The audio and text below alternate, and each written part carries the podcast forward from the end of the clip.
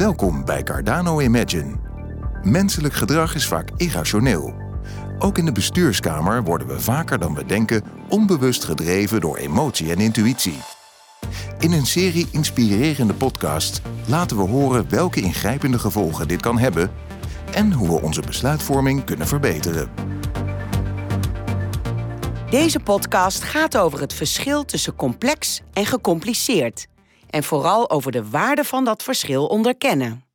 Want gecompliceerde zaken zijn ingewikkelde zaken en die kunnen we analyseren, doorgronden en er een strategie op loslaten. Maar soms werkt dit niet. Dat komt doordat de werkelijkheid complex is. Dat wil zeggen dat er een dynamiek gaande is die we niet altijd kunnen voorspellen. Juist voor pensioenfondsen is het belangrijk om te leren begrijpen dat zaken soms anders lopen dan gedacht, omdat er sprake is van complexiteit. Als we het begrijpen, kunnen we er beter mee omgaan. En het mooie is, juist omdat we mensen zijn, kunnen we erop inspelen. Als dat geen enorme opsteker is.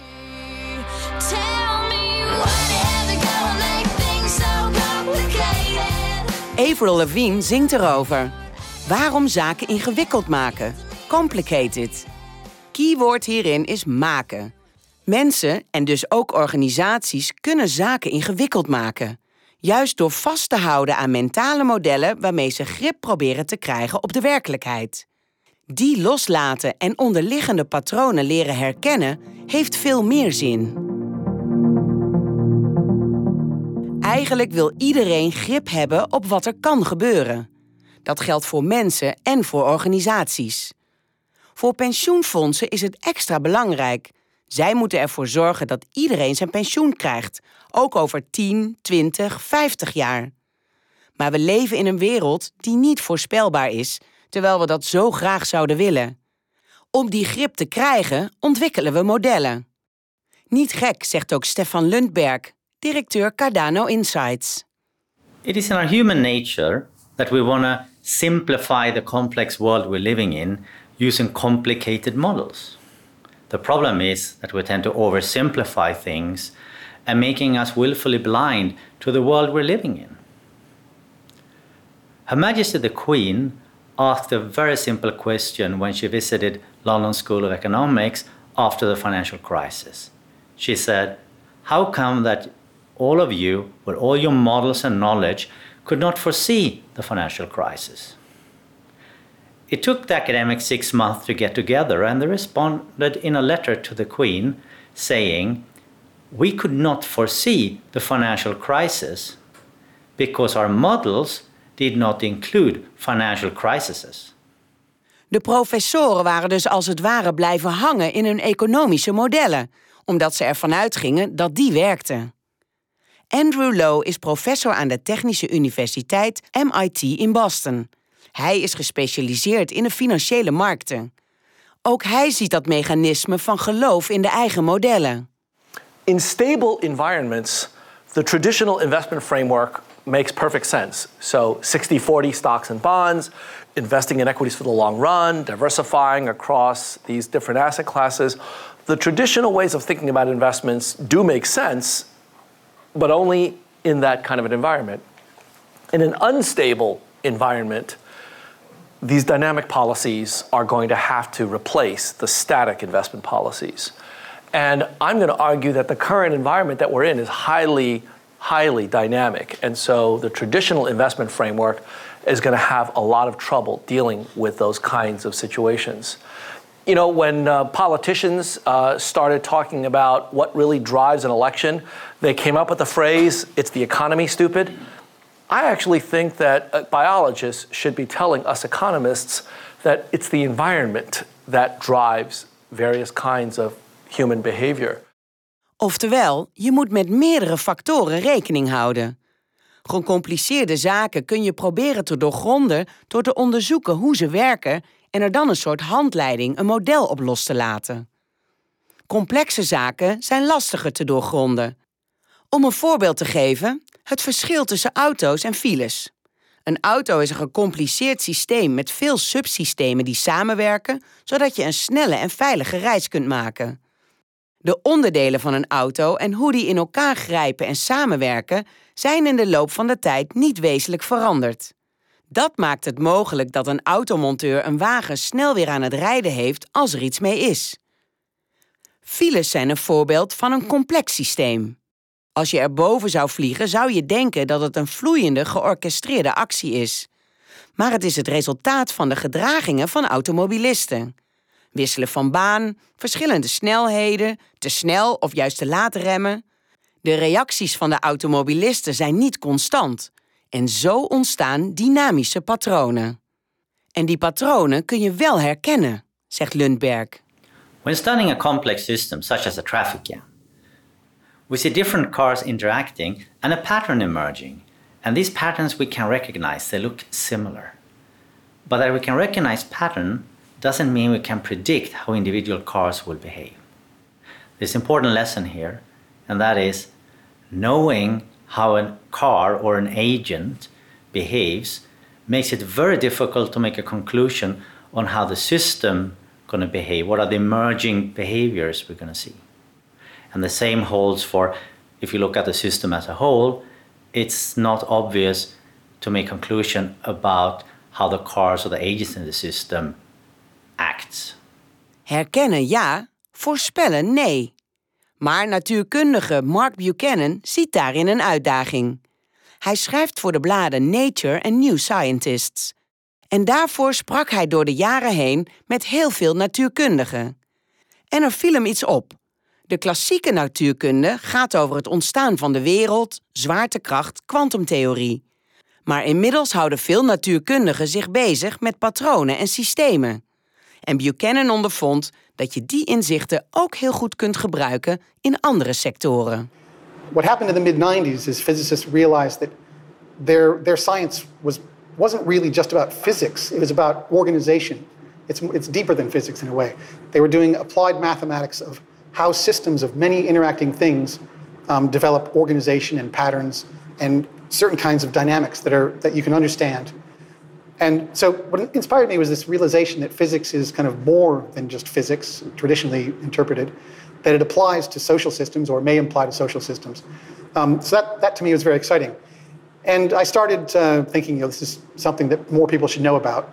And when I looked into some of the, the, the work in social sciences and, and you know, the philosophy of social systems, I found that, that most of the work was happening was kind of totally ignoring recent developments in physics. Their, their interpretation of, of ideas about dynamics and change and the, the typical kinds of change you should expect in the world were all based on really old physics, you know, cycles and trends and really simple ideas.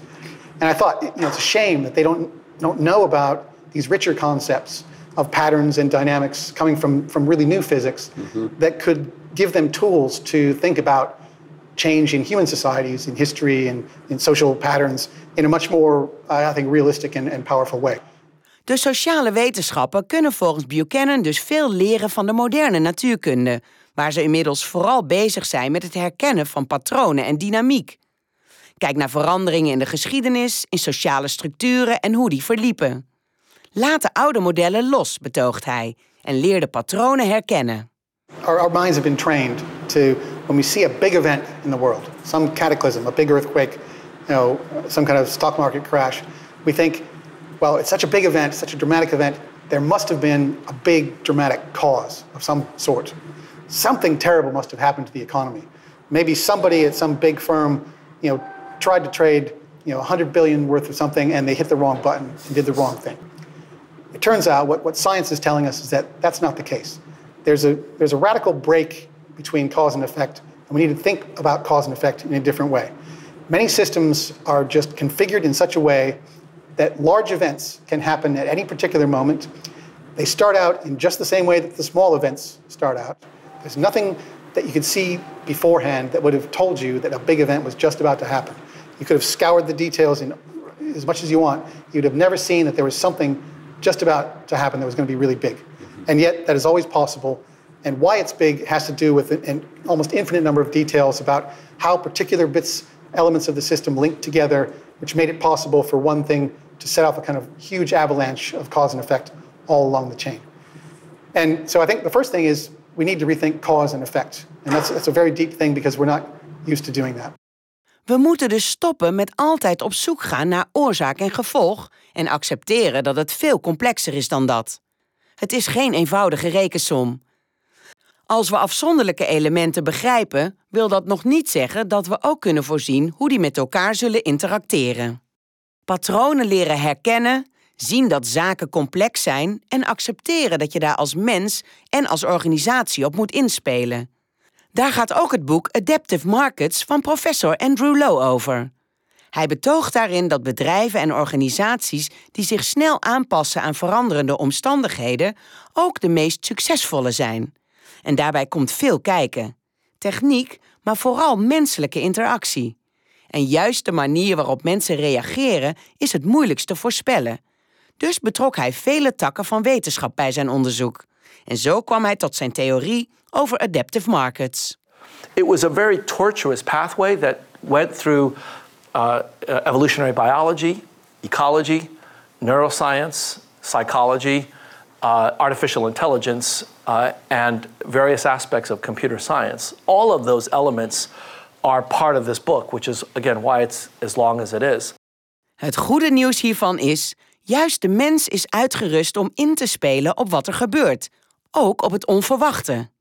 Management-expert Margaret Heffernan gaf daar tijdens een TEDx-presentatie een mooi voorbeeld van. Recently, the leadership team of an American supermarket chain decided that their business needed to get a lot more efficient. So they embraced their digital transformation with zeal. Out went the team supervising meat, veg, bakery, and in came an algorithmic task allocator. Now, instead of people working together, each employee went, clocked in, got assigned a task, did it, came back for more. This was scientific management on steroids, standardizing and allocating work. It was super efficient. Well, not quite. Because the task allocator didn't know when a customer was going to drop a box of eggs, couldn't predict when some crazy kid was going to knock over a display, or when the local high school decided that everybody needed to bring in coconuts the next day. Efficiency works really well when you can predict exactly what you're going to need. But when the anomalous or unexpected comes along, kids, customers, coconuts, well, then efficiency is no longer your friend. Efficiency, allemaal leuk en aardig, betoogt Heffernan, maar het moet je als organisatie niet in de weg gaan zitten. Daar is de wereld veel te complex voor. Daar zijn mensen te complex voor. In an environment that defies so much forecasting, efficiency won't just not help us, it specifically undermines and erodes our capacity to adapt and respond. Ook volgens natuurkundige Buchanan is het belangrijk om te onderkennen dat lang niet alles te voorspellen is. We need to accept that the world is much more irregular and erratic and prone to disruption, continuing disruption, um, than, we, than we tend to think. We like to think that the world is in some sense ordered and we can live it in a, in a comfortable way, and that the past is a sequence of periods of calm that are just broken apart by some external thing that gets in the way and, and disrupts things, and then things go back to normal. And there is a normal that we can count on in the long run. What I'm saying is there is no normal. That the normal is continuing disruption, and not only continuing disruption, but disruption in a way that that lures us into thinking that it's not disruption. Right, there's periods of calm broken apart by kind of burst of, of chaos, and then there's another bit of calm that has another burst of chaos. And the periods of calm are unpredictable in their length. How closely together the bursts of chaos happen is unpredictable. And yet this is the, this is the pattern we see over and over again. And that we think there are good theoretical reasons why many systems uh, in nature and in and human systems evolve to become just like this in order to have this, this kind of erratic behavior. De wereld is dus veel onvoorspelbaarder en chaotischer dan we denken.